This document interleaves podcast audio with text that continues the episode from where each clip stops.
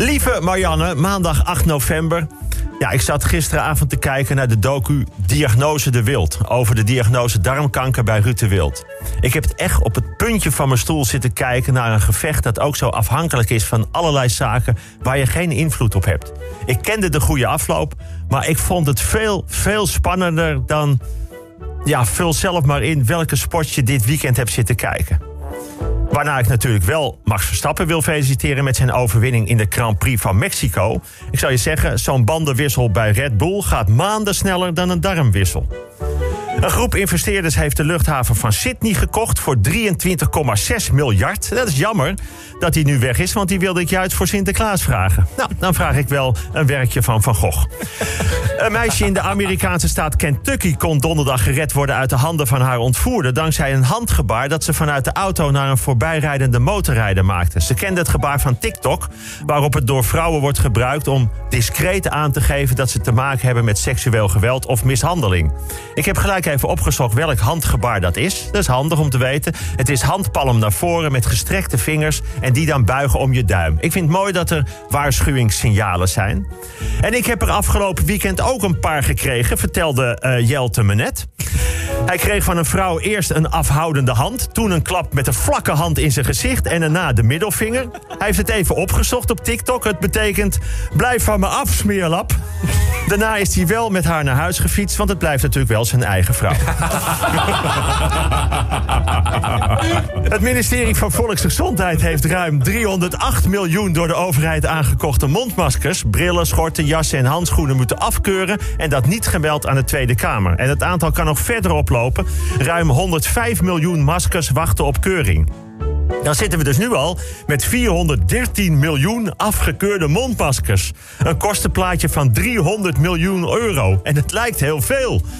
En dat is het ook, want hoewel de kapjes zijn afgekeurd voor de zorg... nou ja, laten ik geef weer hoop. We kunnen die kapjes nog gewoon gebruiken. Je kunt een kapje voor alles gebruiken. Als boterhamzakje, zakdoek, keppeltje, noodverband... ding om je kauwgom in op te ruimen... een oogmasker, onderzettetje, kladpapier, katapult... seksspeeltje, winterjas voor een klein kuthondje... een hangmat voor Van Velzen, voor Jelmer om te kitesurfen... voor Jelte als skimuts, voor Frank als plopkap... Ja. voor Roelof als als, nou ja, ook, dat is ook gewoon handig voor Roelof. Nou, dus gooi ze niet weg. Woensdag 10 november, de Amerikaanse Republikeinse senator Ted Cruz is boos op Big Bird, zeg maar de Pino van Sesamstraat, omdat hij op televisie heeft gezegd dat hij is gevaccineerd.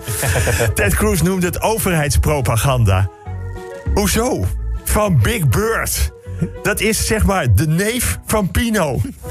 Pino, de sufste vogel van de televisie. Wat voor invloed heeft Pino? Kennen jullie één kind dat bij het zien van Pino denkt... oh, ik ga me ook helemaal blauw schilderen? Nee, een jongetje dat op school wordt gevraagd wat hij later wil, wil worden... die zegt, nou dan wil ik graag in een Pino-pak... zodat helemaal niemand ooit weet wie ik ben. Of een man die graag naar de kroeg gaat in zijn Pino-pak. Want het vinden vrouwen ontzettend geil. Dat is niet zo. Niemand wil Pino zijn. Niemand wil in Pino zitten.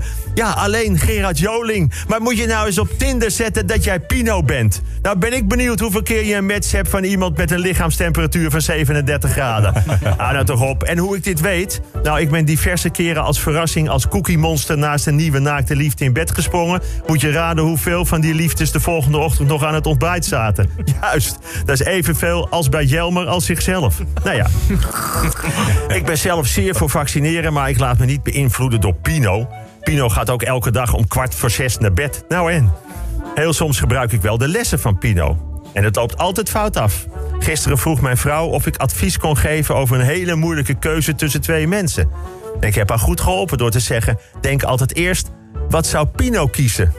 Zij zei: nou, dan blijf ik bij, bij jou met je ini-mini. nou. Donderdag 11 november.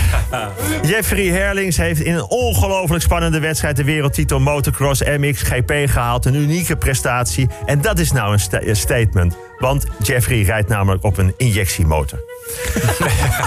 Ongeveer 6 miljoen mensen hebben de door Christo ingepakte Arc de Triomphe gezien. Ingepakt als cadeau. Ja, als cadeau. Iedereen zag gelijk wat het was. Iedereen zag dat. Behalve Pino, die bleef maar roepen... het is de Sacré-Cœur, het is de Sacré-Cœur.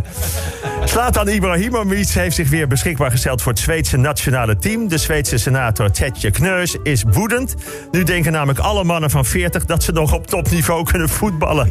Straks denkt iemand van 60 nog een column te kunnen doen op 538. nou ja, het is de 11e van de 11e. Uh, belangrijke carnavalsdag, maar ook in het deel van het land Sint Maarten. Kinderen gaan langs de deuren met lampioenen om, uh, om in ruil voor een liedje wat snoep te ontvangen. Er is nog geen enkele actiegroep om dat te veranderen. Want niemand weet hoe Sint Maarten eruit ziet. Ik wil er toch even aandacht op vestigen. Het liedje dat de kinderen zingen gaat namelijk zo. Sint Sint Maarten. De koeien hebben staarten. De meisjes hebben rokjes aan. Daar komt Sint Maarten aan. Snap je? Die hele Sint Maarten is gewoon een viezerik. Dat is een oude man die wacht de hele dag tot de meisjes in november een rokje hebben aangetrokken. En als ze dat zingend komen laten zien, dan krijgen ze een handje snoep. Nou ja, goed. Blokker gaat ook BCC-spullen verkopen. Waarschijnlijk dezelfde eigenaar, ik weet. Ik vind het verwarrend. Ik wil iets kopen bij de BCC. Oh, dan moet je naar de Blokker. Het is gewoon niet fijn als het door elkaar loopt. Ja, ik wil een halve warme van de HEMA. Oh, dan moet je even naar de Bijenkorf. Nee, ik, ik, wil dat gewoon niet. Ja, ik zoek een goed restaurant. Oh, verderop zit een mediamarkt. Ja, maar die gaat al om 7 uur dicht. Ja, dat klopt, omdat er een restaurant is. Nou ja. Ik wil het gewoon niet meer. Vrijdag 12 november. De band Placebo staat 24 november in de Ziggo Dome. Hoewel de kans groot is dat niet de echte band speelt. Het is allemaal zo verwarrend. De Fransman Remy Ovraar heeft een record gebroken door op 4016 meter hoogte op een luchtballon te staan.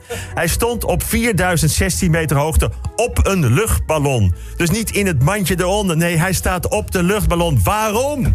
Waarom wil je op een luchtballon staan? Wat voor droom is dat? Ja, ik wil op een vliegtuig staan en dan een parachute naar beneden gooien. Waarom?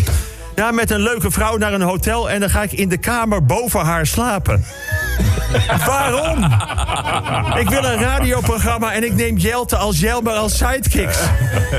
nou, dat laatste is misschien best wel een goed idee. Ik wil, weet je, het dreigt nu een lockdown. Een milde lockdown met onder andere twee of zelfs vier weken sluiting van theaters en andere zalen met evenementen. Waarom klink je dan nog zo rustig, Peter? Nou, ik kan me gewoon niet voorstellen dat theaters, even, waar altijd om een QR en een ID wordt gevraagd en een ID en iedereen een vaste plaats heeft, nu al het hardst wordt aangepakt. Nou ja, ik ga nu eerst even tot morgenavond 7 uur non-stop horeca. En dan heb ik alle vertrouwen dat we hier volgende week met een vrolijk gezicht zitten.